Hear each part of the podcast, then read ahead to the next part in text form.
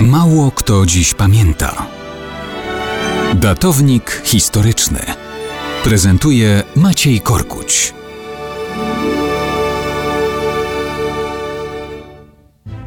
Mało kto dziś pamięta, że dokładnie tysiąc lat i ćwierć wieku temu na świat przyszedł król Roger, bohater opery Karola Szymanowskiego z 1926 roku.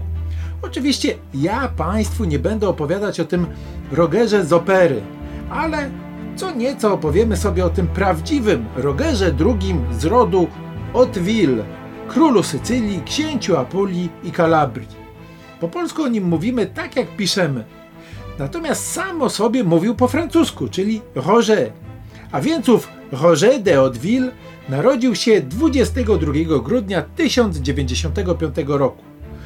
Przyszedł na świat w rodzinie Rogera I, zwanego Wielkim Hrabią. Nie bez powodu go tak nazywali, bo niewątpliwie wielkich czynów dokonał. To on, jako normański zdobywca, wyparł Arabów z Sycylii zbrojnie, ostatecznie likwidując sycylijski emirat, istniejący tam już od 100 lat.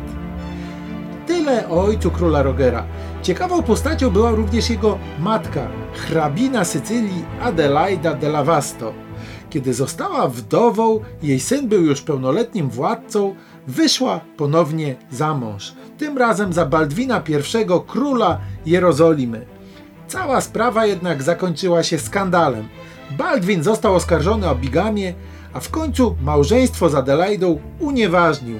Ta musiała wrócić na Sycylię. O tym Roger nigdy nie zapomniał. Sam zdobywał Italię, łupił Bizancjum i Afrykę, ale do drugiej krucjaty, która miała pomagać Królestwu Jerozolimskiemu, nigdy się nie przyłączył. Z trzema kolejnymi małżonkami miał w sumie dziewięcioro dzieci, niektóre nie dożyły wieku dorosłego.